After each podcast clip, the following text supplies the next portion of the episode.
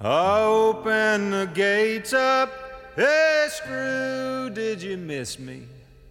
Jimmy, I see that you found a new friend. Warden, come down here and kiss me hello, cause I'm back home in Huntsville again. Welkom bij de Prison Show, programma over delict, straf, herstel en terugkeer. Oprecht, onafhankelijk en baanbrekend. Want iedereen heeft recht van spreken en verdient erkenning voor wie hij of zij is. Met Edwin En Frans. Yes, I'm back home in Huntsville again.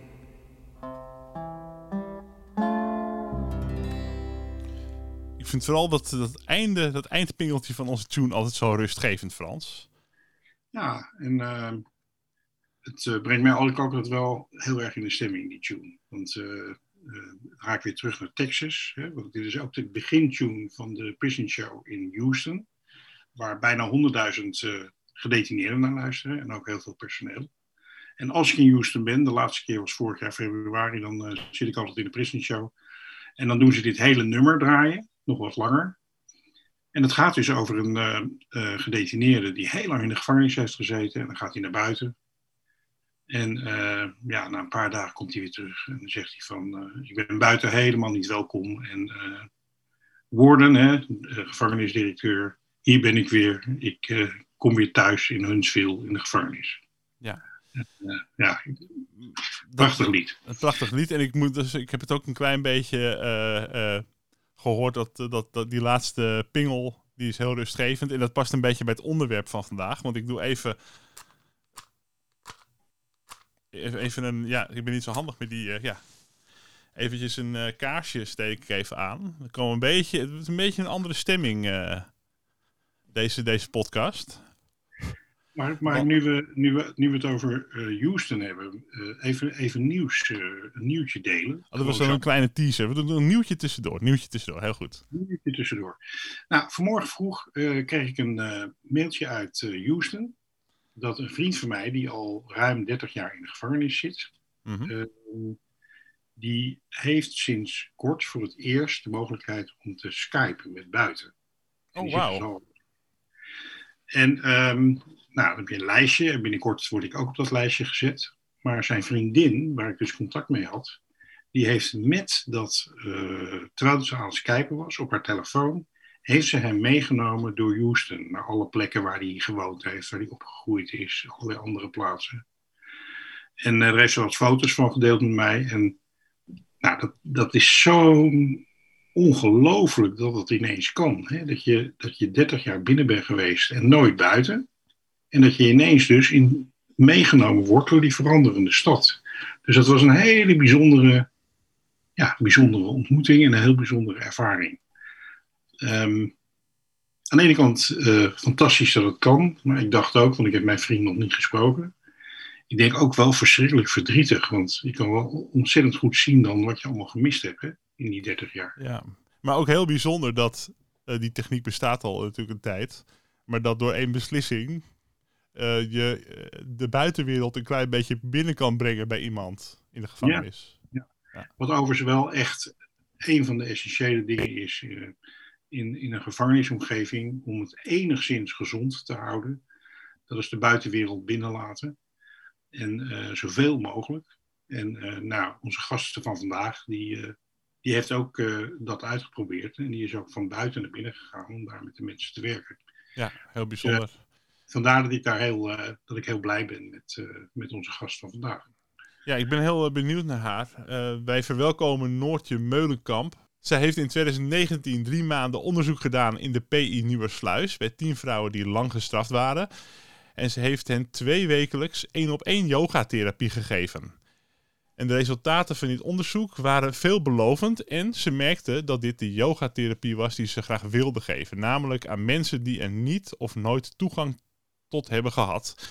En waarbij juist yogatherapie ervoor kan zorgen dat ze hun zelfvertrouwen terugkrijgen, hun angsten verminderen, hun woede afneemt en ze weer het gevoel van eigenwaarde terugkrijgen. Noortje schreef ons: Ik zou jullie graag mijn onderzoek mailen.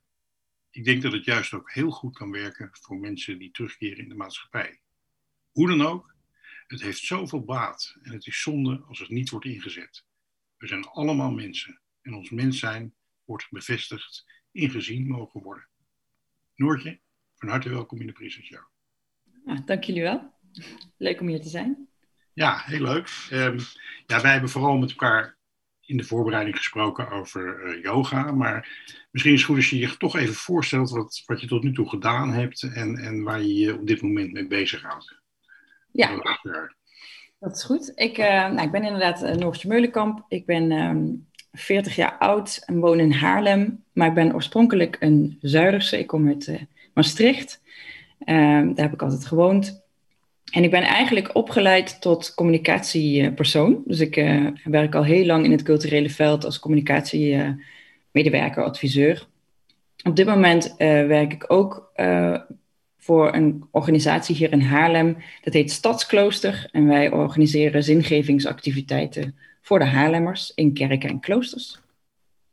En daarnaast ben ik ook uh, yogadocent. Dus ik ben eigenlijk in mijn eerste baan um, in het Bonnefantenmuseum in Maastricht uh, een beetje tegen mezelf aangelopen omdat ik te hard werkte. Nou, dat, dat is het bekende verhaal, hè, dat mensen toch al snel overspannen of een burn-out krijgen. En mijn huisarts zei toen van, misschien moet je ook iets voor jezelf gaan doen. Ga, ga, op, ga op yoga of zo. Ik dacht, yoga? Nou, daar vind ik helemaal niks aan. Dat, was een hardloopster en een wedstrijdzwemmer, dus ik, ik had niks met yoga. Maar goed, ik heb het wel gedaan en ben naar zo'n lesje toe gegaan. En ontdekte eigenlijk het eerste jaar nog niet zoveel daaraan. Meer van, nou leuk, heb ik een dinsdagavond voor mezelf. Maar gaandeweg begon ik toch wel effecten te merken van die yogalesjes. Mm-hmm. En um, ik werd eigenlijk steeds nieuwsgieriger van, wat, wat, wat, wat is dat nou eigenlijk? Waarom, waarom worden we daar rustig van? En wat zijn die technieken die er dan achter zitten? En wat is de traditie van yoga eigenlijk? En toen ben ik uiteindelijk ook nog een opleiding gaan doen tot yogadocent. En ik heb sindsdien dat eigenlijk altijd gecombineerd met mijn werk als communicatieadviseur. Dat ik daarnaast ook les gaf als yogadocent. En dat doe ik tot op heden. Um, dus ik geef nog steeds les, ook aan groepen.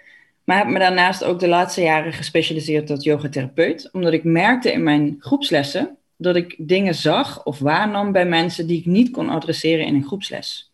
Mm-hmm. En dan je het eerst uh, gewoon over puur fysiek, maar ook dat je merkte van, oh, er zitten mensen die komen echt naar yoga omdat ze slecht slapen of omdat ze inderdaad overspannen zijn op hun werk. Maar er zijn ook andere klachten en dingen die ik nu zie en waar ik eigenlijk niks mee kan in een groepsles. Dus toen werd ik eigenlijk uitgedaagd van, misschien zou ik één op één yoga moeten geven. En als je dan daarin verder gaat verdiepen, dan kom je uit bij yogatherapie. En dat heb ik uh, vorig, jaar, ja, vorig jaar afgerond door het inleveren van uh, deze thesis over de, het gevangenisonderzoek. Nou, dat vertel je heel, uh, heel mooi. Zo vanuit jezelf dat je uh, behoefte had aan, aan, een vorm van ontspanning. Hè? Dat je huisarts dat zei, van ga dan yoga doen.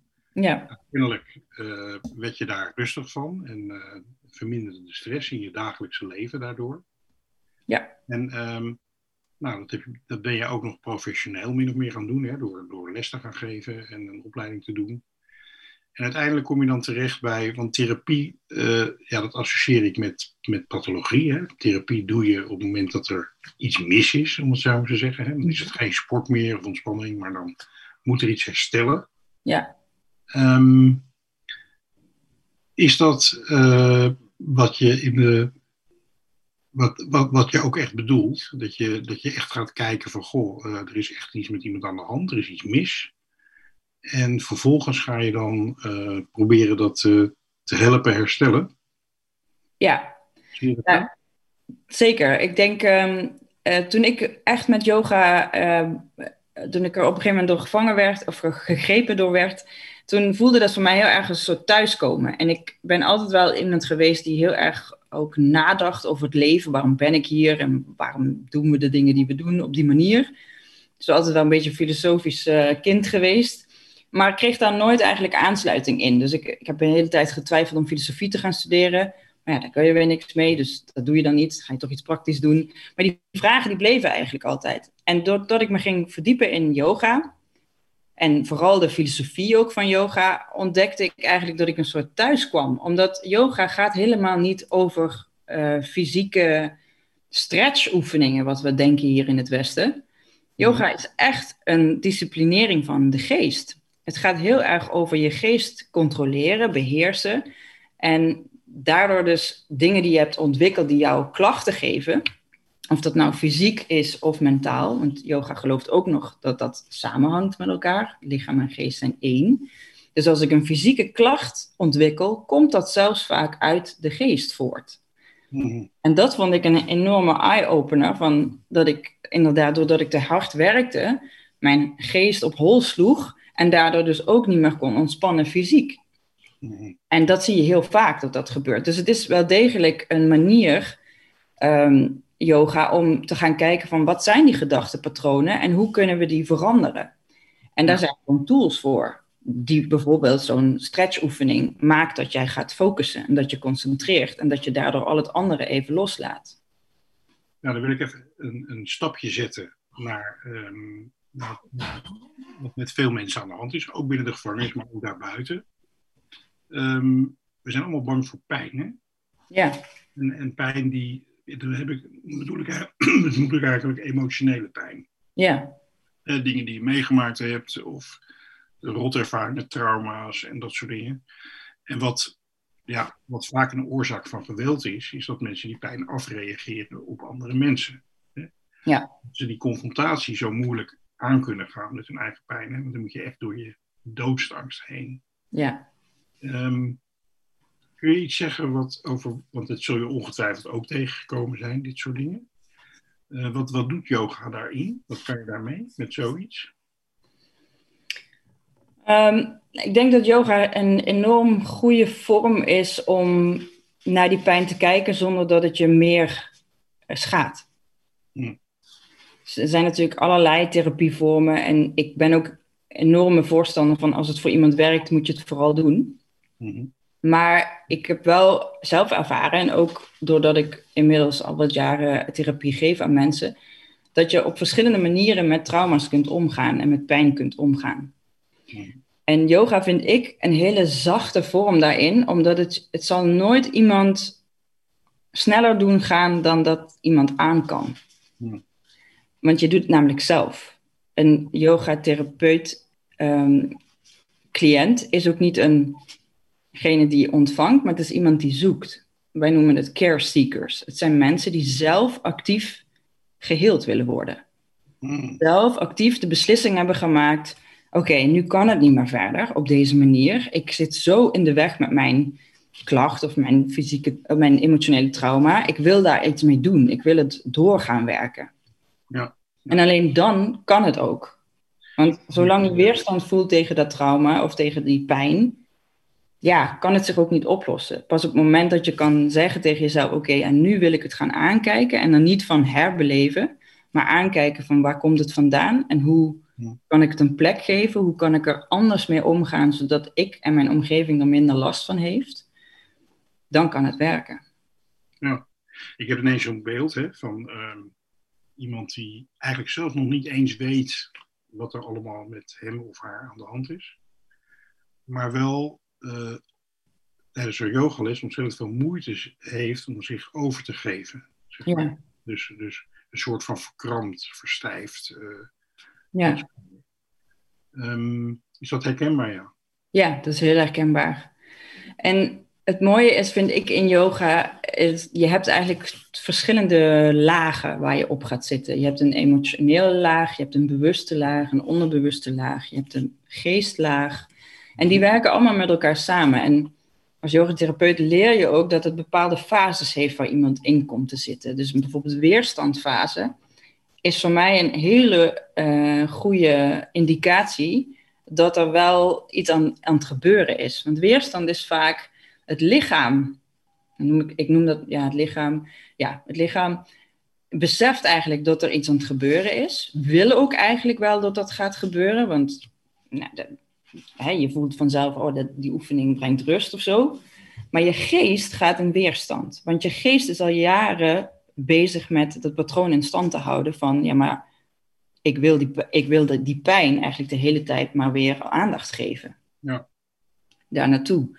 En weerstand, dat bedoelde ik ook net met het gaat op je eigen tempo.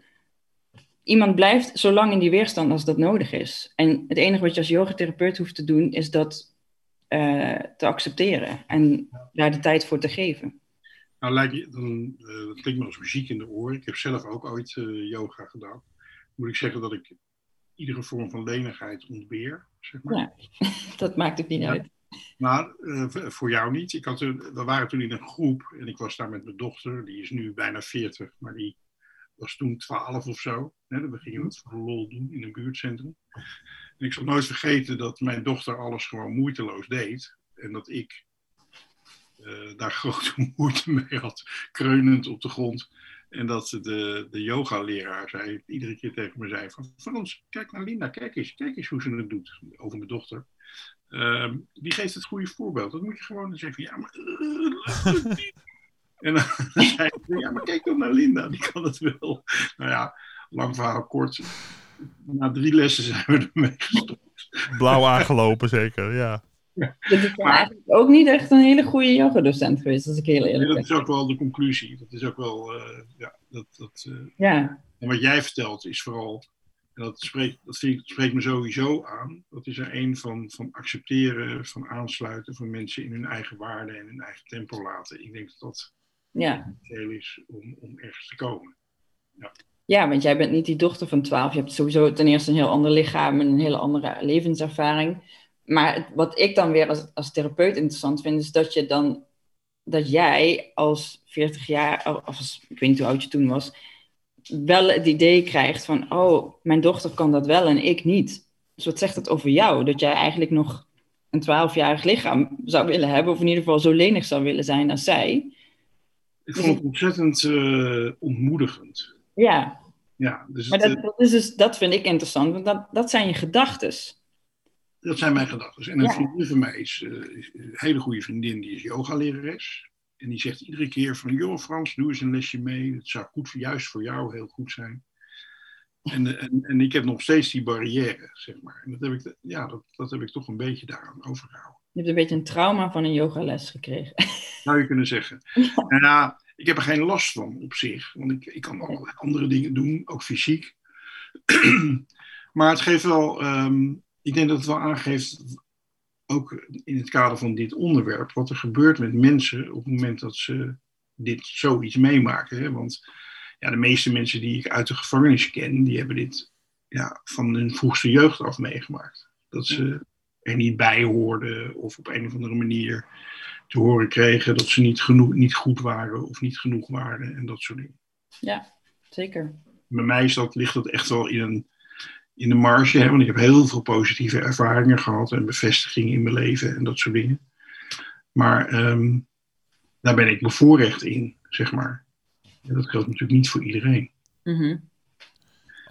um, jij wou wat zeggen, Edwin? Ja, um, als ik, uh, want ik ken regulier yoga, gewoon de yogales, dat ken ik wel een klein beetje ook van uh, een keertje uh, een proefles meegedaan. En een vriendin die regelmatig baat heeft door te yogaën. Wat, wat, um, wat zou je zeggen is de, de, de, het, het diepere verschil tussen een gewone yogales en yogatherapie? Want in de kern is het natuurlijk hetzelfde, maar hoe kom je dan toch bij een andere laag? Ja, um, ik denk inderdaad, en dat, dat is wel, ik vind soms ik heb er soms een dubbel gevoel over, omdat ik liefst iedereen aan yoga heb natuurlijk. Ik zou, uh -huh. zou willen dat iedereen dat gewoon doet als dagelijkse oefening. Uh, maar ik zie inderdaad ook dat het uh, yoga die veel gegeven wordt in studio's niet meer echt over yoga gaat. Omdat ik dus, ik ben van mening dat het inderdaad gaat over die beheersing van de geest. En dat je, terwijl je je oefeningen doet, bewust bent wat er in jouzelf gebeurt op dat moment. Hoe je jezelf staat te beoordelen. Uh, hoe je afdwaalt, hoe je um, vindt dat je het nog beter moet kunnen. Hoe je opeens anders gaat ademhalen bijvorbeeld, en dat je dat merkt ja. en dat iets over je zegt. Ja, en ik denk het grote verschil tussen een groepsles en een uh, yogatherapievorm is, yogatherapie is altijd één op één. Kan je bijna niet in een groep geven ook. En dat is weer omdat als je het in een groep geeft, dan moet je een gemene deler gaan zoeken in je les als thema. Dus je gaat of richten op ontspanning of op lenigheid of op, nou, maakt niet uit, hartopeners, vooroverbuigingen, maakt niet uit. Maar dan kies je één gemene deler. Terwijl yogatherapie kijkt heel erg naar wie ben jij? Wie, zit wie is degene die voor mij zit? Met alles daaromheen. Dus hoe leeft diegene? Wat voor werk heeft diegene? Hoe eet diegene? Um, hoe slaapt die? Wat heeft hij allemaal meegemaakt? Waar zit hij op dit moment? In welke fase van zijn leven? En dat wordt allemaal meegenomen in het afstemmen van een practice. Ik kan jou een vooroverbuiging geven en ik kan Frans een vooroverbuiging geven, maar waarschijnlijk omdat jullie verschillen in leeftijd, heeft dat al een ander effect. Ja. Ja. Dus dat is wat een yogatherapie doet. doet. Je mhm. maakt eigenlijk een persoonlijke practice op iemand afgestemd, waardoor je in eerste instantie de klacht, hè, of hetgene waarom iemand graag die yogatherapie ontvangt, probeert te verminderen. En daarna ook gaat kijken of je die klacht, de oorzaak van die klacht, ook echt kan aanpakken. Waardoor die klacht ook echt niet meer terugkomt. Voordat we naar de gevangenis gaan, hè, um, had ik nog één vraag over buiten. Kunnen mensen dit uh, vergoed krijgen? Wordt dit vergoed door de verzekering of zo? Nee. Nee, dat wil ik ook eigenlijk niet. Ik heb daar wel over getwijfeld, want het zou eventueel wel kunnen als je dan. Um, ja, je, ik heb een internationale opleiding gedaan, gewoon in India. Um, die, die opleiding zelf heb ik in Brussel gevolgd, maar het was vanuit een Indiaas instituut.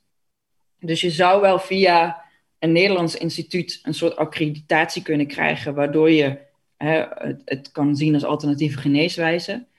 Maar ik heb me daar wel een beetje in verdiept. Dan moet je ook aan allerlei rapportages voldoen en bepaalde um, vormen in je therapie aanhouden. Wil je dat vergoed kunnen krijgen? En dat wil ik eigenlijk niet. Nee. Ik wil mijn eigen ding kunnen doen in mijn therapie.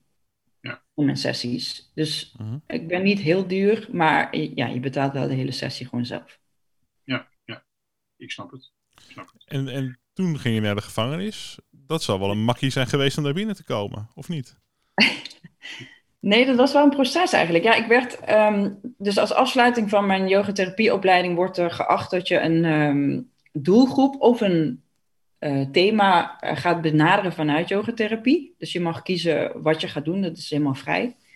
En ik had eigenlijk al heel snel het idee, ik wil dit doen met een groep mensen die daar inderdaad normaal niet echt toegang tot heeft. Kijken wat, wat het effect daarop is. Want met alle respect, ik krijg natuurlijk voornamelijk cliënten die ja, ten eerste het geld hebben om dit te kunnen betalen, maar ook de tijd en de ruimte hebben in hun leven om dit te doen. En ik was juist heel benieuwd van hoe zou het zijn als je dit aan mensen geeft die eigenlijk best wel yogatherapie kunnen gebruiken, om het zo maar te zeggen, maar daar eigenlijk geen toegang tot hebben. En toen ben ik gaan kijken, eerst binnen um, verslavingsklinieken, of ik daar terecht kon. Um, en uiteindelijk vond ik toen de Nederlandse organisatie uh, Prison Yoga. En dat is eigenlijk een uh, aftakking van de Amerikaanse Prison Yoga. Die is heel groot in uh, Amerika. En ik heb hen gewoon een, mail gestuurd van... hey, ik heb eigenlijk wel interesse om yogatherapie te gaan geven binnen een gevangenis. Ik zie dat jullie al yogalessen geven. Is daar een mogelijkheid toe om een onderzoek te doen? En zij waren in eerste instantie heel enthousiast... maar het heeft uiteindelijk toch nog wel een jaar geduurd... voordat ik ook echt uh, mocht komen binnen een gevangenis. Er is heel erg gekeken waar kunnen we je plaatsen. Er is een tijdje gesproken om mij binnen een jeugdgevangenis te gaan plaatsen... Dat was de, hoe heet die lijst van Amsterdam? De, de, Top 600? Ja, ja. Maar dat was toch, dat vonden ze te gevaarlijk eigenlijk om mij daar neer te zetten, omdat mijn eis ook was dat ik alleen met de mensen mocht werken zonder bewaking of begeleiding. En uiteindelijk ben ik dus toen inderdaad bij de PU Nieuwe Sluis terechtgekomen bij de vrouwengevangenis. Maar is het inderdaad zo dat die uh, uh, prison yoga, dat die in structureel in allerlei gevangenissen in Nederland yoga geeft? Ja, volgens mij niet zo heel veel, maar ik geloof dat ze het inderdaad bij drie of vier gevangenissen doen. Ja. ja. Want wat mijn ervaring is, is dat uh, ik heb ook al, toen ik directeur was, uh, yoga-leraren uh, binnengehaald. Maar ik kon er heel moeilijk structurele financiering voor krijgen. Dus, dus dan krijg je dus van die kleine pilots, of eens een keer een groepje, of een keer een extraatje. Of je probeert te regelen dat, dat gedetineerden ook een soort eigen bijdrage uh, geven of wat dan ook. Maar dat, is, het is, dat was altijd heel moeizaam, Zeg Ja. maar. En, Ja. ehm, dus ik, kon me ook, ik kan me voorstellen dat ze het in een paar plekken, op een paar plekken doen, omdat er wel iets van budget is om ook nog iets positiefs met de gedetineerden te doen, om het zo Ja. maar te zeggen. Maar dan, ehm, ja, dan kun je yoga doen, maar je kan ook eh Dutch celdogs doen, of je kan, hè, er zijn allerlei andere interventies die je dan Mhm. binnen halen. En dan is vaak het probleem dat, dat, dat, dat als je een gevangenis hebt waar, waar drie, vijf, 700 gedetineerden zitten, dat, je, dat het eigenlijk maar toegankelijk wordt voor een heel klein groepje. Weet je wel, dat is, dat is ook nog een moeilijk ding eraan. Maar ehm, wat, wat sowieso een heel spannend proces is, altijd, vind ik, dat is iemand zoals jij van buiten, die dan binnenkomt in een gevangenisomgeving. En eh, ik ben wel benieuwd hoe dat, eh, hoe dat was. Hoe reageerde het personeel? Hoe was het voor jou om naar binnen te gaan in een gevangenis? Eh, kun je daar iets over vertellen?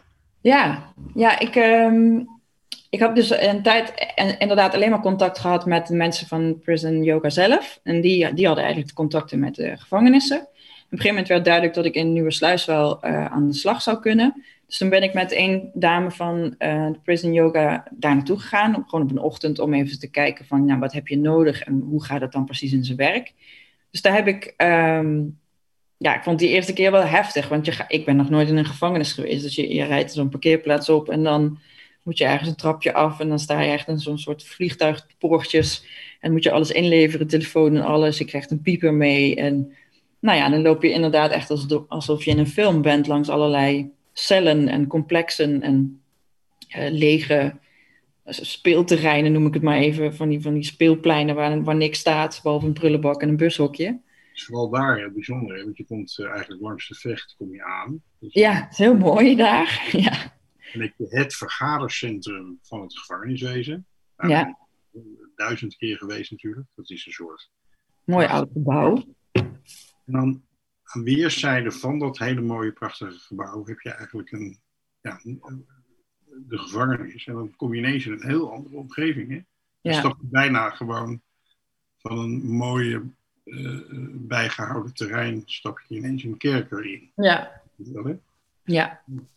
Ja, ik vond het eh, heel indrukwekkend de eerste keer. Maar goed, ik werd meegenomen naar de afdelingsmanager. En daar was wel op zich een, vond ik meteen een vrij losse sfeer. Er was, eh, die, die dame was heel aardig en, en ook heel los. Dan wil je koffie en kom, we gaan even buiten zitten. Dus dat, dat ging eigenlijk best wel gemoedelijk eraan toe.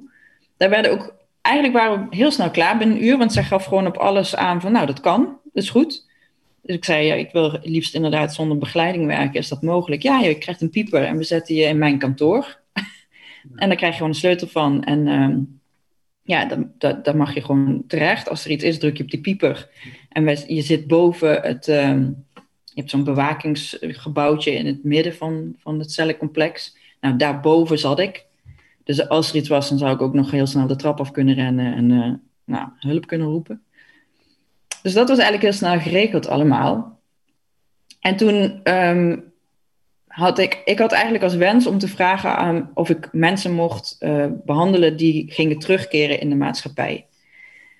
En dat konden ze niet helemaal waarmaken. Dus toen hebben zij juist aan mij gevraagd: zou je niet mensen willen behandelen die hier al heel lang zitten? Want daar hebben wij eigenlijk meest last van, van die mensen. Omdat ja, die, die vervelen zich natuurlijk en ja, die zien ook een beetje zijn een beetje doelloos in hun leven. Want ja, ze zitten daar nog vijf, zes jaar. Dus ja, wat zou je nog inzetten om een leuk leven te gaan hebben? Dus dat vond ik eigenlijk wel een goeie. Nou, dat is goed. Dan, dan ga ik die groep behandelen. En toen hebben ze inderdaad tien mensen gevraagd, vrijwillig, of ze mee mocht, wilden doen met dit uh, traject. Sommigen die hadden al inderdaad zo'n groeps-yoga-ervaring. Dus zo'n groepslesje. Sommigen ook niet. En als ze mee wilden doen, moesten ze een enquête invullen, waardoor ik een soort nulmeting kon doen hoe ze zich voelden op dat moment. En toen, uh, twee weken later, kon ik beginnen. Hm. En ik vond de eerste sessie, ik was heel nerveus. De eerste keer was ik wel echt, uh, ik, ja, ik wist natuurlijk ook dat ik echt wel mensen voor me zou krijgen die niet zomaar voor een winkeldiefstalletje zaten, omdat ze eigenlijk allemaal lang gestraft waren. Dus ik vond het wel spannend om dan in te schatten van ja, wat zijn dat dan voor vrouwen? Zijn dat vrouwen die me meteen heel agressief gaan benaderen of uh, staan ze hier echt open voor? Um, En dat, dat tweede bleek eigenlijk wel het geval. Ze hadden zich natuurlijk vrijwillig opgegeven. Dan kun je nog denken van, nou, dan hoeven ze niet naar de arbeid. Want dat, zo, zo, zo logisch vond ik het ook nog wel. Dat ze dachten, oh, dan hoef ik een uur niet te werken. Dat is niet zo'n gek argument. Nee, zeker. Maar dan, dan heb je weer wat ik net zei. Hè, zijn ze echt bereid om zelf het werk te gaan doen? En ik moet zeggen dat ze dat eigenlijk allemaal wel waren. Er is één dame echt uitgestapt na de eerste sessie. Die zei, nee, dat is niet wat ik had verwacht. Maar alle anderen zijn gebleven en hebben het afgemaakt. Ja. Ja. Nou, en als ik hoor dat uh, wat, wat, wat yoga doet, hè, dat het toch wel ook echt met jezelf bezig bent. Uh, jezelf ook voelt, om het zo maar te zeggen, maar ook je emoties voelt. Dan vind ik het wel bijzonder en ook wel heel knap van die dames. Hè, zeker in hun situatie, dat ze gewoon uh, dat helemaal afgemaakt hebben. Ja, maar ik denk dat ze het allemaal stuk voor stuk um, heel welkom hebben gevonden dat die therapie werd aangeboden aan ze. Ik had bij iedereen het gevoel dat ze het zo fijn vonden dat ze gehoord werden. Hmm. En dat ik ze niet, ik heb ze ook niet veroordeeld of een, um, een kant op geduwd. Ik heb ze laten zijn, eigenlijk. Is het horen dan vooral dat je, wat je in het begin ook uitlegde, dat, je, dat, dat de persoon zelf helemaal bepaalt wat er gebeurt eigenlijk? Ja en nee. Ik, er wordt wel gevraagd waar wil je aan werken. Mhm. En dat begint dan, hè, sommigen hadden gewoon, ik slaap hier slecht. Oké, waarom slaap je slecht? Wat is er dan? Nou, en dan ga je, ga je ze eerst laten praten. Dus ik, mijn sessies bestaan voor het eerste gedeelte 20 minuten, een half uurtje uit praten. Alleen het grote verschil is met gewone therapie, ik blijf niet bij praten. Dus op een gegeven moment zei ik, oké, ik heb genoeg gehoord. Ik wil dat je even op het matje komt en sluit maar even je ogen en leg je hand op je buik en adem naar je buik. Zoiets. Bij, bij wijze, hè? Dus wat ik eigenlijk probeer dan te doen, is hun op dat moment te laten voelen hoe ze zich voelen. Van als je altijd moe bent of niet goed slaapt, dan ben je waarschijnlijk heel zwaar in je energie. Maar ja, heb je niet zoveel zin in dingen, ben je wat passief enzovoort. Nou, dat kan je opwekken in een practice. Je kan dat gaan hè, verlichten als het ware. Je kan iemand lichter laten voelen, puur door ademhaling en wat beweging. Ja. ja, ja. En als je dan zegt van nou, doe dit elke ochtend, ook al heb je slecht geslapen. En kijk hoe het gaat over twee weken. En je ziet dan iemand opbloeien, of in ieder geval meer energie hebben. Dan ga je daarna werken aan, oké, je kan ook nog iets doen voordat je gaat slapen, zodat je ook beter gaat slapen. En zo werk je langzaam naar iets toe. Ja. Maar het is heel verschillend vaak waarom iemand die klacht heeft. Want de een heeft gewoon een vervelende cel-eigen, eigen, uh, uh, hoe zeg je dat? Huisgenoot. Of uh, ja, moet je cel delen met iemand. Celmaat. Cellmate. Ja, cellmate. ja. Dan is dat het. Maar de ander heeft gewoon nog visioenen van de moord waar hij bij betrokken was. Nou ja, dat zijn twee, dat zijn twee totaal verschillende dingen waarom iemand slecht slaapt. Dus het is voor mij belangrijk om dat te weten zodat ik ook weet wat voor oefening kan ik je dan geven. Nou, um, ik, ik heb 40 jaar in gevangenissen rondgelopen. En um, uh, de is voor mij een omgeving waar eigenlijk mensen niet worden uitgenodigd om, zich kwetsbaar op te stellen of hun emoties te laten zien. Sterker nog, als iemand dat echt gaat doen, en emotie is natuurlijk niet gestructureerd, dus dat is iets wat woep gebeurt en ja. Dat is eigenlijk ook, ja, die is vaak ook niet onder controle. Dus uh, zeker met, met langgestrafte dames kan ik me voorstellen dat, dat je op een gegeven moment ook gewoon echt uh, allerlei emotionele uitingen gaat krijgen. Die, uh, ja, die, die, als, je dat, als je die eenmaal wakker hebt, hebt gemaakt, ook een rol gaan spelen op de rest van de dag en de week. Mm -hmm. Na die yogalessen. Kun je daar iets over zeggen? Dat, hoe dat gewerkt heeft? Ja. Um, ja, ik heb daar wel een, een, een, goed voorbeeld van in mijn eigen onderzoek gehad. Omdat ik, ik heb op een gegeven moment met een dame gewerkt die echt wel heel heftig trauma had uit, uit haar jeugd. En daardoor ook de keuzes heeft gemaakt uh, die ze heeft gemaakt. En daardoor dus nu in, in Nieuwe Sluis terecht kwam, of was. Ja. En er was een, een dame die ik een beetje omschreef in mijn, in mijn onderzoek als een Iron Lady. Ik, kon heel moeilijk met haar eh, contact maken op haar, op haar zachte stuk, laat ik het zo maar even noemen. ze was altijd in verdediging, altijd met een harnas aan en helemaal ik moet vechten gevoel. Ja. En ik ben gaan werken op dat zachte stuk. Want ik geloof dat ieder mens dat heeft. Alleen als jij leert van kleins af aan dat het jou niet dient en dat je daar niks aan, aan hebt, aan dat zachte stuk, dan wordt het heel klein. Ja. En dan lijkt het bijna niet meer aanwezig. Dus ik, en dat is denk ik ook wel een groot verschil met hoe ik naar trauma kijk. Trauma is niet slecht in die zin, maar er zit ook al, je bent niet je trauma. Er zit nog een heel ander stuk mens omheen. Ja. En als je dat stuk mens groter kunt maken en kunt laten floreren, kan diegene ook dat trauma aan. Ja. En vaak zien we dat ons trauma worden. En daar heb je niks aan eigenlijk. Want dan word je slachtoffer van je, van je eigen trauma. Ja. Dus ik ben op dat zachte stuk gaan werken. En daar heb ik best op een gegeven moment de keuze in gemaakt. Oké, ik ga dit doen. Ik ga dit bij haar. Ik ga dit best een intensieve uh, oefening met haar doen. Die dat ook echt losweekt, dat zachte stuk die daar contact mee maakt. En dat heeft ze gedaan. En ik heb ook gezegd tegen haar: je kan daar best even last van krijgen nu. Of last, maar het kan wat uh, emoties naar boven laten komen. Als dat gebeurt, is dat niet erg. Je gaat daar niet gek van worden of uh, agressief of weet ik veel wat. Het enige wat denk ik zou kunnen gebeuren is verdriet. Dat er verdriet uit je komt, omdat je dit stuk al zo lang niet gevoeld hebt in jezelf. En dat is ook gebeurd. Ze heeft bijna een week gehuild in uh, Nieuwersluis. En wat er toen gebeurde in Nieuwersluis zelf en bij de organisatie Prison Yoga, dat, daar ben ik echt ziek van geweest, letterlijk. Want ik werd namelijk gebeld en er werd gezegd: Wat heb jij in godsnaam met die cliënt gedaan? Die loopt er alleen maar te huilen. Ja. En toen zei ik: Ja, uh, hoezo? Wat, wat, wat is er aan de hand dan? Ja, ze loopt alleen maar te huilen. Ze is helemaal van slag en het gaat helemaal niet goed met haar. Zeg maar, doet ze, is ze verder een bedreiging dan? Uh, heeft ze agressief gedrag of doet ze zichzelf iets aan of is het verdriet? Ja, het is verdriet, maar ze, ze is tot niks in staat en ze zit alleen maar te huilen de hele dag. En ze is zo gevoelig en Oké, nou, Prison Yoga die zeiden eigenlijk gelijk, wij trekken ons terug van dit onderzoek, we willen niks meer met jou te maken hebben.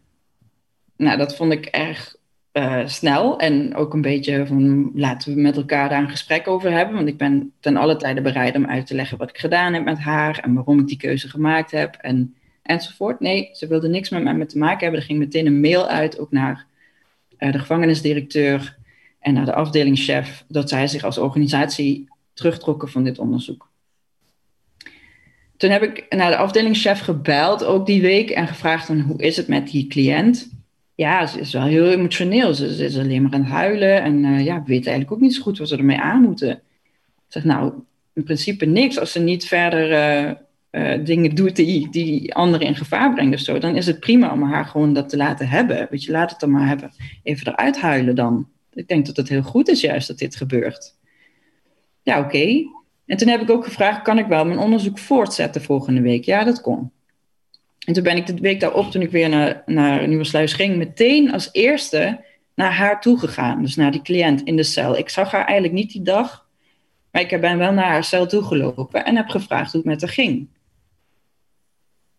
En wat ik toen voor me zag, ja, dat vergeet ik nooit, maar was een, een hele andere vrouw eigenlijk geworden. En het was iemand die mij knuffelde en zei: Ik wil je zo ontzettend bedanken. En toen zei ik: Maar hoezo? Ik heb echt het idee dat ik iets verkeerd heb gedaan, want ik heb alleen maar heel veel klachten gehoord de afgelopen week vanuit hier, dat het met jou zo slecht ging. Toen zei ze: Klopt, ik heb me twee dagen zo vreselijk verdrietig gevoeld.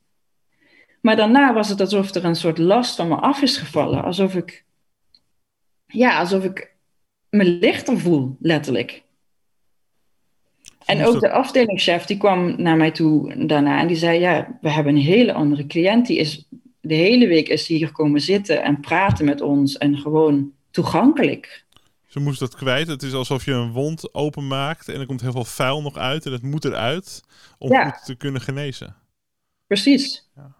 Alleen ik schrok er heel erg van hoe daarmee omgegaan werd. Vooral door prison yoga, maar ook wel door de gevangenis. Van oeh, daar komen we niet aan trauma, daar gaan we niet aan. Dat moet de hele tijd moet dat ver weg blijven. Ik vind dit een van de mooiste verhalen die wij in de, in de Prison Podcast en Prison Show hebben gehoord. Over twee jaar. Ja. Uh, omdat um, in dit verhaal zo ontzettend duidelijk wordt. Niet alleen wat er, uh, wat er met zo'n vrouw aan de hand is. Maar ook uh, hoe het systeem reageert en alles wat aan het systeem gelieerd is. Op het moment dat er, dat er zoiets gebeurt. Ja, dat er emotie loskomt. Hè, die niet, als er iets ongecontroleerds gebeurt. En iedereen erop reageert is heel erg typerend. En um, ja, prachtig natuurlijk. Uh, dat als je dan later komt, dat je dan ziet hoe ongelooflijk de moeite waard is het is om dit te doen. Um, ja, maar... uh, ja, sorry. Ja. ja, zeker. Maar ik, ik heb daar ook echt wel met dit voorval dan naar getwijfeld van ja, is het, is het überhaupt wel iets wat je inderdaad in de gevangenis kan inzetten, omdat het systeem zo zo totaal de andere kant op denkt. Ja, Omdat zij ze bijvoorbeeld ook twee weken na dit voorval is zij overgeplaatst naar een andere gevangenis. Eigenlijk, ja, om een reden die, die ik niet snap en die volgens mij niemand snapte. Maar goed, ze moest gewoon weg uit die gevangenis. Daar ging het volgens mij gewoon om. En ik ben daar toen ook gaan opzoeken in de nieuwe gevangenis, omdat ik heel graag ook het onderzoek met de mensen wilde afmaken. En zeker met haar, omdat dit gebeurd was.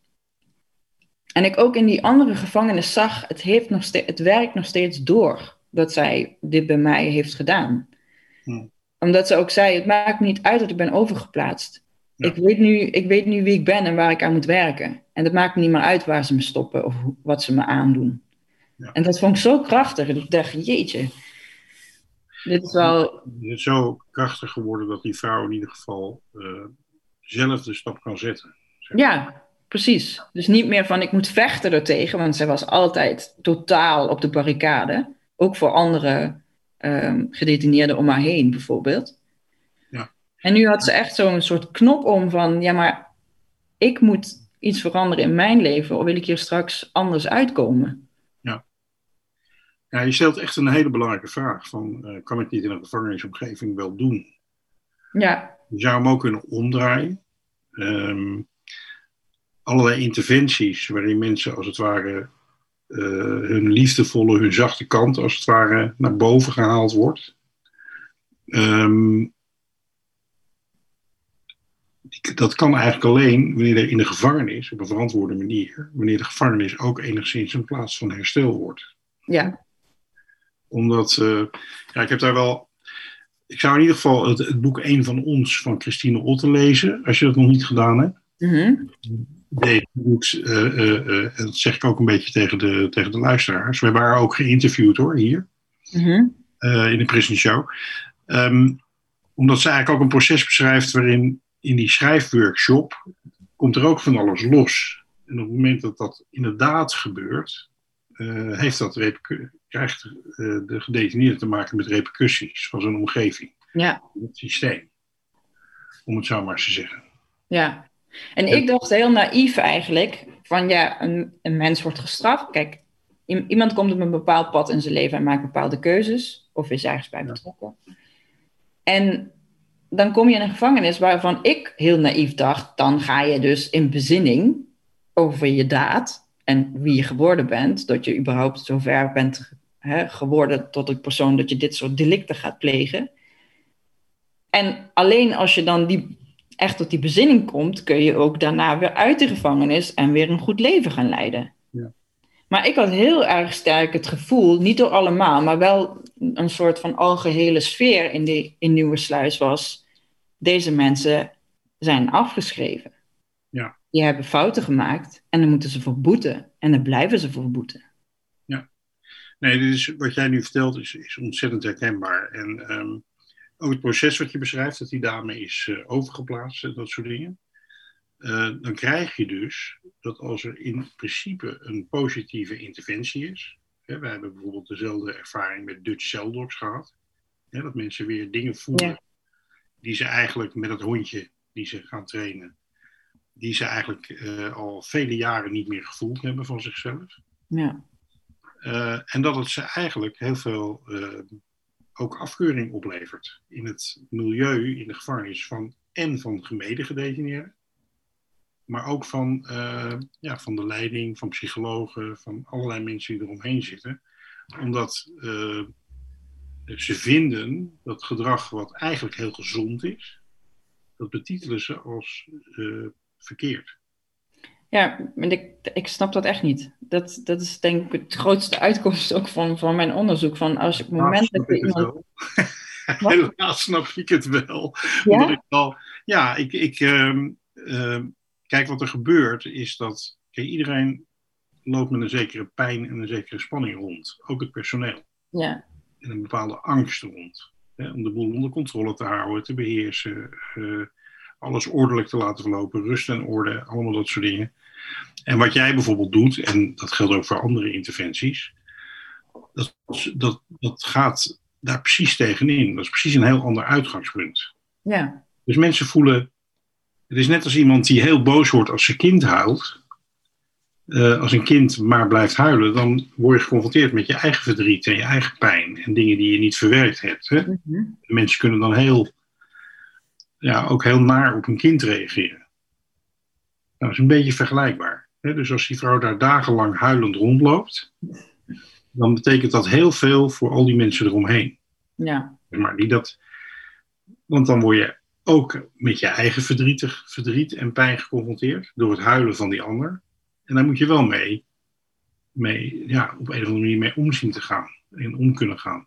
Ja, en ik denk dat dat ook is wat je aan het begin van, de, van de, dit gesprek vroeg. Um, het trauma, daar wordt gewoon raar gedaan over trauma. Dat vind ik eigenlijk. Iedereen heeft trauma. Het, het, gewoon het feit dat je geboren bent, maakt dat je een mens wordt die op een of andere manier wel een traumatische ervaring. En dat hoeft niet eens meteen iets heel groots te zijn. Dat kan ook. Worden is traumatisch, alleen al. Ja, voor veel, voor veel mensen wel, ja. Nee, zeker. Ja. En ik denk dat, dat er een beetje een tendens is ontstaan, misschien vanuit de jaren zeventig, dat, dat we een beetje te veel zijn gaan focussen op, oeh, trauma is, is verschrikkelijk. En dan, moeten we, dat moet je heel geïsoleerd en heel gecontroleerd met medicatie en uh, afzondering moet je dat gaan behandelen. Terwijl ik denk, volgens mij, het is helemaal niet zo, vaak is er helemaal niet zoveel aan de hand. Het wordt pas heel groot omdat je het heel lang hebt onderdrukt. Ja. Maar vaak als je het aan kan kijken, hè, zoals bij die cliënt, als je het mag voelen, huil je twee dagen en is het weg. Ja, ja en ook als het heel groot is, hè, het kan heel ernstig zijn. Ik ken mensen die bijvoorbeeld bijna een geboortetrauma hebben omdat ze geadopteerd zijn. Nou, een ander ja. uh, echt, echt problemen met, met uh, wortelen en dat soort dingen. Maar ook voor die mensen, je hoeft alles niet in één keer op te lossen. Nee. Is dit natuurlijk ook gewoon een manier om er wel wat dichterbij te komen. Nou ja, en ik wil nogmaals benadrukken, omdat ik ook het gevoel heb dat er een beetje twee versies zijn van hoe je met trauma omgaat. Ik heb heel erg vanuit mijn yoga-therapieopleiding geleerd, dus inderdaad te focussen op het licht, noemen ze dat dan. Hè? Het focussen op het gezonde deel, mm-hmm. wat in iemand aanwezig is. En dat groter te maken. In plaats van een trauma herbeleven of uh, het trauma te gaan openkrabben. Want dat is ook niet bij die cliënt gebeurd. Waarom zij zo moest huilen, was omdat ze zo lang niet die zachtheid in zichzelf had kunnen voelen. Hm. Ze heeft niet uh, opnieuw herbeleefd dat ze zo hard moest zijn. Ze heeft herbeleefd dat ze dan een stukje zachtheid in zichzelf heeft.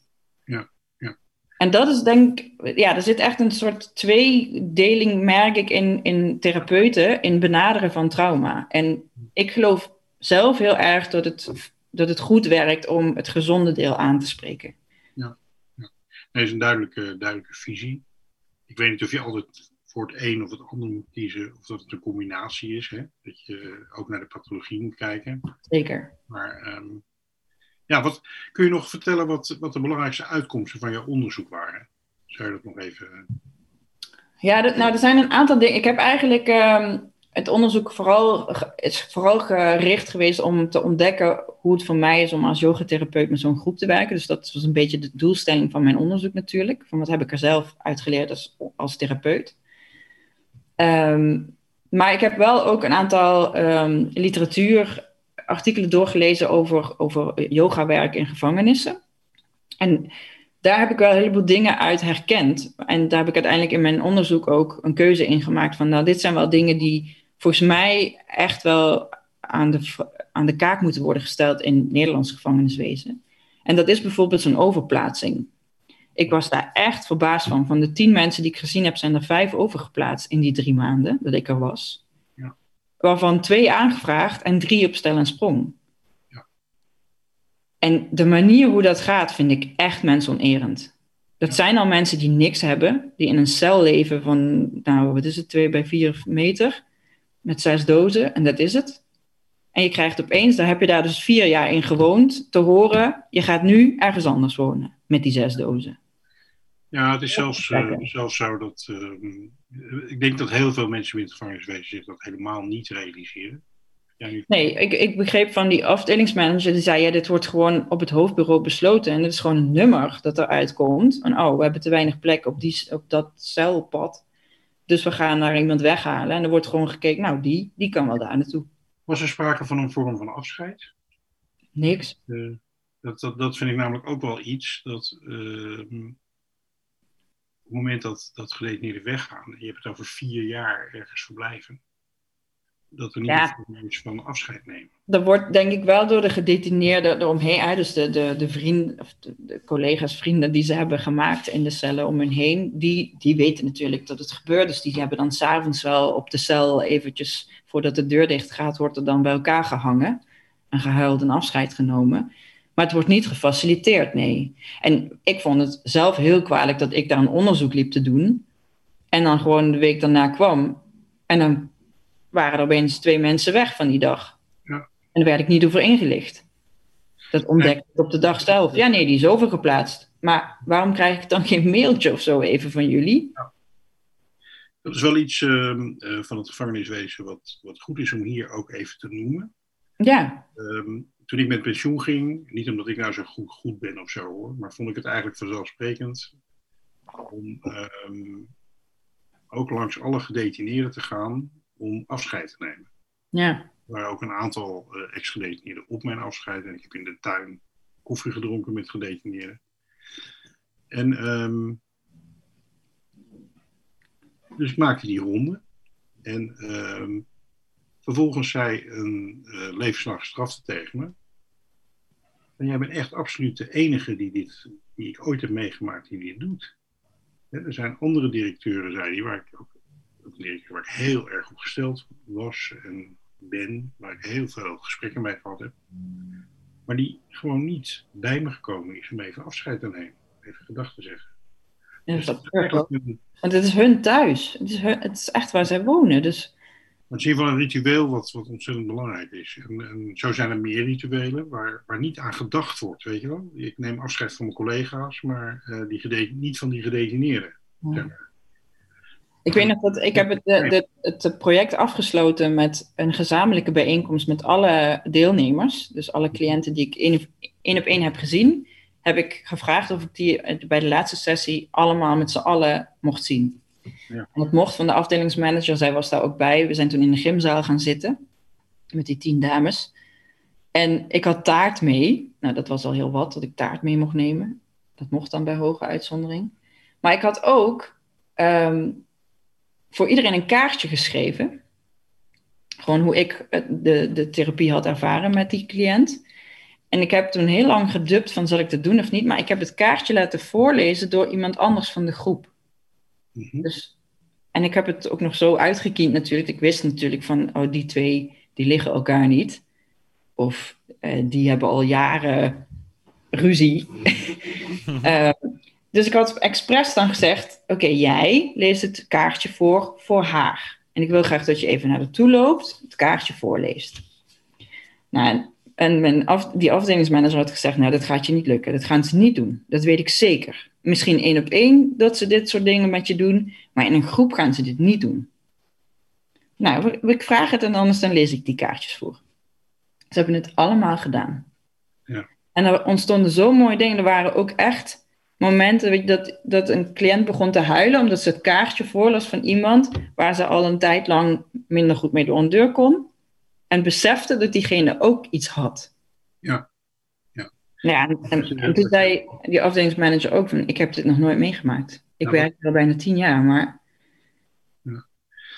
Ja, wat, wat, wat er gebeurt, en dat, dat ook binnen de gevangenisomgeving, ehm, kan dit gewoon heel erg goed. Hè? Dat kan je gewoon doen, door gewoon net even wat anders erin te gaan zitten. ja, Wat er gebeurt is dat, eh, mijn complimenten voor jou, omdat je dus dit, naar, dit bewerkstelligd hebt, hè? Dat, dat, dit proces, dat je daar aan gewerkt hebt.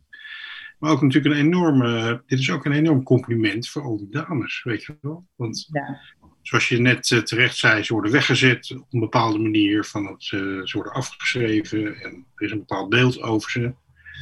Maar ze laten gewoon allemaal zien dat, er, eh, eh, dat ze veel meer zijn als dat Ja. beeld.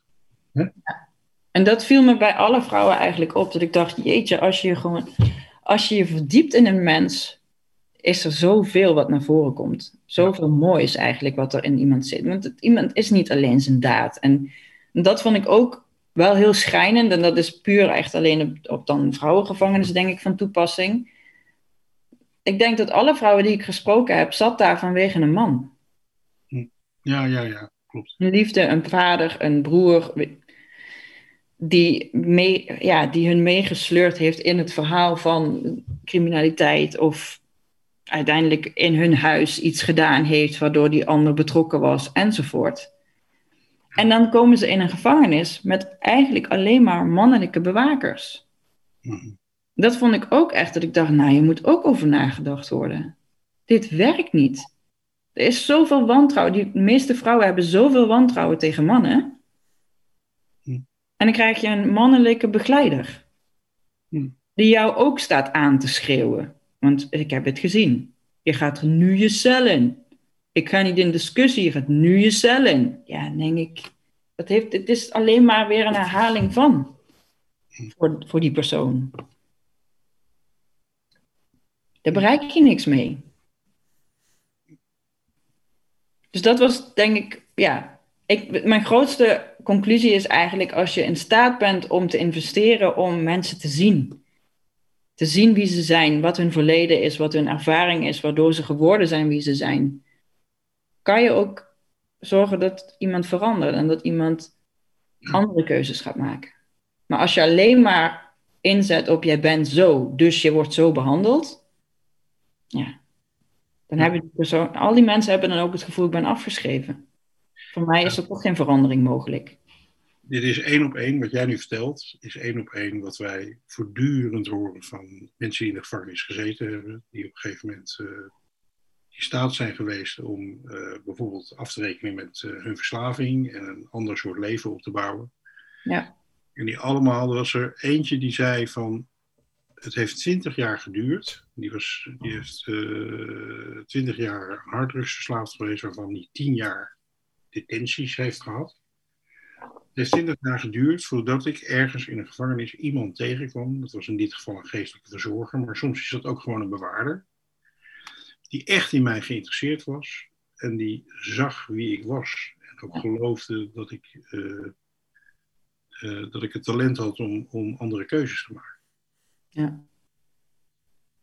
Nou, heel mooi dat je dat in ieder geval gezien hebt en dat we dat ook in deze podcast zo kunnen laten horen, zeg maar.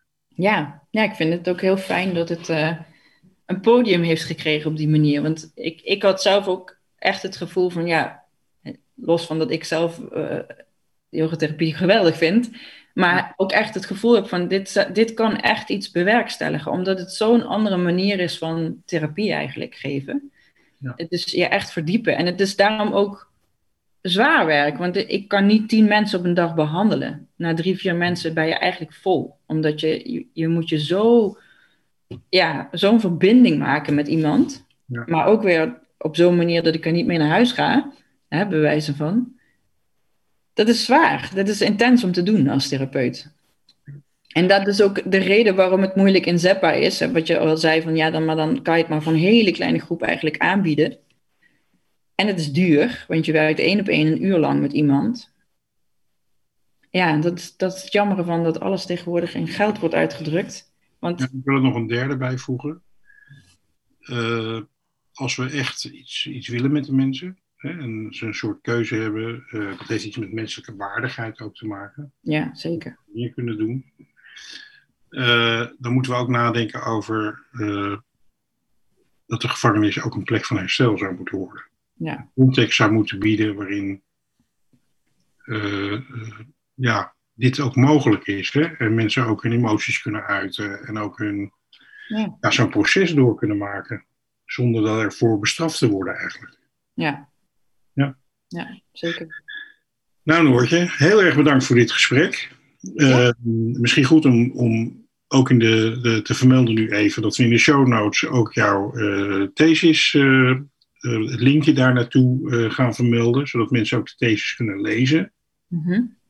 Nou, ik denk echt wel dat, dat dit interview een soort oproep uh, ook is naar iedereen die betrokken is met, uh, bij gedetineerden, maar eigenlijk ook misschien wel naar allerlei mensen die de aansluiting missen. Hè? Ook ex-gedetineerden en mensen die op een of andere manier, uh, waar we een soort beeld van hebben, hè? van dat is iemand die niet mee kan komen en allemaal dat soort dingen. Ja.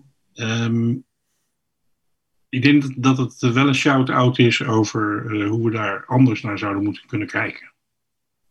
Ja, ik denk het ook. Het zou, uh, ik denk dat het, dat het een hoop uiteindelijk kan oplossen, ook in hoe we met elkaar samenleven. Dat denk ik ook, zeker. Ja. Zeker. Nou Noortje, heel erg bedankt. En uh, nou ja, laten we hopen dat, het, dat we op enig moment tegen elkaar kunnen zeggen van nou, het is gelukt. We gaan, we gaan het ja. Zeker. Ik, uh, ik blijf er voor, me voor inzetten naast mijn gewone werk. Ik probeer, ik krijg nu bijvoorbeeld aan de overkant van ons huis komt een dak, een thuisloze opvang voor mensen die gaan terugkeren naar de maatschappij. Dus die blijven daar altijd een, een jaar ongeveer en dan gaan ze naar een eigen woning. En ik ja. dacht ook van ja, eigenlijk moet ik daar ook gewoon weer gaan aankloppen, want... Die komt daar niet voor niets. Precies. Die, die komt niet voor niets bij jou in de buurt. Maar ik merk ook dat, de, dat gemeentes en ook zorginstellingen helemaal niet ja, beseffen dat zo'n vorm van therapie ook bestaat, überhaupt. Veel mensen weten niet eens wat yogatherapie is en denken dan, oh ja, dat is dan therapeutisch yoga-oefeningen aanleren of zo, terwijl dat is het dus niet. Ja. Dus dat is nog wel een hele weg in te winnen, denk ik. En ja, um, nou ja, ik blijf me daarvoor inzetten. Ook wel een weg van mensen weer overtuigen en weer opnieuw laten ja. zien wat er nou echt is wat je doet en wat daar de waarde van is. Dat lijkt me ook, uh, uh, ja, het lijkt me ook dat je in de, in de praktijk gewoon dat wil doen en die therapie wil doen. En niet de hele dag mensen wil gaan zitten overtuigen. Maar zolang dat nog nodig is. Ja. Ja. ja, ja. Um, je bent in ieder geval medestander in, in de, de beweging die toch best wel heel veel mensen proberen te maken nu. Om van een systeemwereld naar de mensenwereld te gaan. Ja, zeker. Dus dat. Uh... Nou, uh, wat mij betreft houden we contact. En um, uh, misschien kunnen we elkaar nog versterken, ook vanuit de Stichting en Terugkeer. waar deze podcast een onderdeel van is, zeg maar, het maken van de podcast. Mm -hmm. En nou, heel veel succes. Dank jullie wel. En uh, bedankt voor jullie tijd. Leuk. Heel bedankt. Dankjewel Noortje. Dit was de Prison Show podcast voor deze week. En volgende week, je raadt het al, een nieuwe podcast. Tot dan. Tot dan. Yes, I'm back home in Huntsville again.